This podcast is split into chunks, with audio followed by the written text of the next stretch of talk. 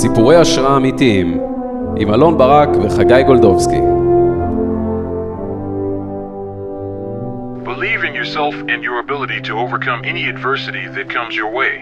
דמיינו שאתם מהגרים בגיל צעיר למדינה זרה, בלי שום מקצוע, קשרים או ניסיון. אתם מתחילים לעבוד כסוכני מכירות, ותוך כדי העבודה מרימים שלושה מיזמים שמתרסקים חזק לרצפה. הייתם ממשיכים לנסות או מתייאשים? ואז דמיינו שהסטארט-אפ הרביעי שתקימו אחרי כל הכישלונות הקשוחים האלו, יהיה שווה שלושה מיליארד דולר וישפיע על ים של תעשיות אחרות. אז זה בדיוק הסיפור המטורף של טופ אווטונה, המייסד של Calendly, שאין כמעט אדם או ארגון שלא מכירים או משתמשים בפיצ'רים שלו ככלי עבודה מודרני. קח את זה מפה, חגי. טופ אווטונה גדל בניגריה, ובגיל 16 הוא החליט שהוא יעשה כל מה שצריך בשביל להגיע לארצות הברית. והוא גם הגיע. הוא נלחם להגיע לאוניברסיטת ג'ורג'יה, שם הוא סיים תואר, והצליח למצוא משרה בתור איש sales במשך שבע שנים. עכשיו קלטו קטע. הוא עובד שם שבע שנים, כשבכל הזמן הזה בוער בו להרים מיזם משלו. רק שהוא לא יודע איזה מיזם הוא רוצה להרים. וזה לא שמישהו לימד אותו איך עושים יזמות, איך בונים עסק, מה עושים ולאן הולכים. אז הוא פשוט צלל למים.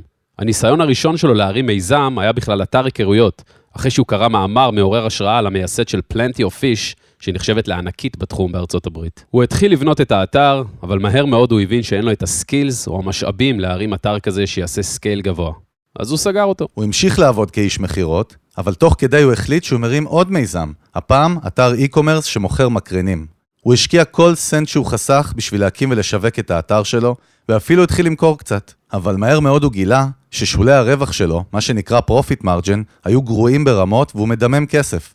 אז הוא שוב סגר את החברה. ואז, אחרי שנה, כשהאש היזמית עדיין בוערת בו, ועם ידע שהוא צבר מכל המיזמים שהוא הקים, הוא החליט שוב להרים פעילות מסחר אלקטרוני, מה שנקרא e-commerce, אבל הפעם הוא החליט שהוא הולך למכור אונליין גריל לברביקיו. אממה, גם המיזם הזה של הגריל נכשל. ואז הוא הבין משהו סופר חשוב.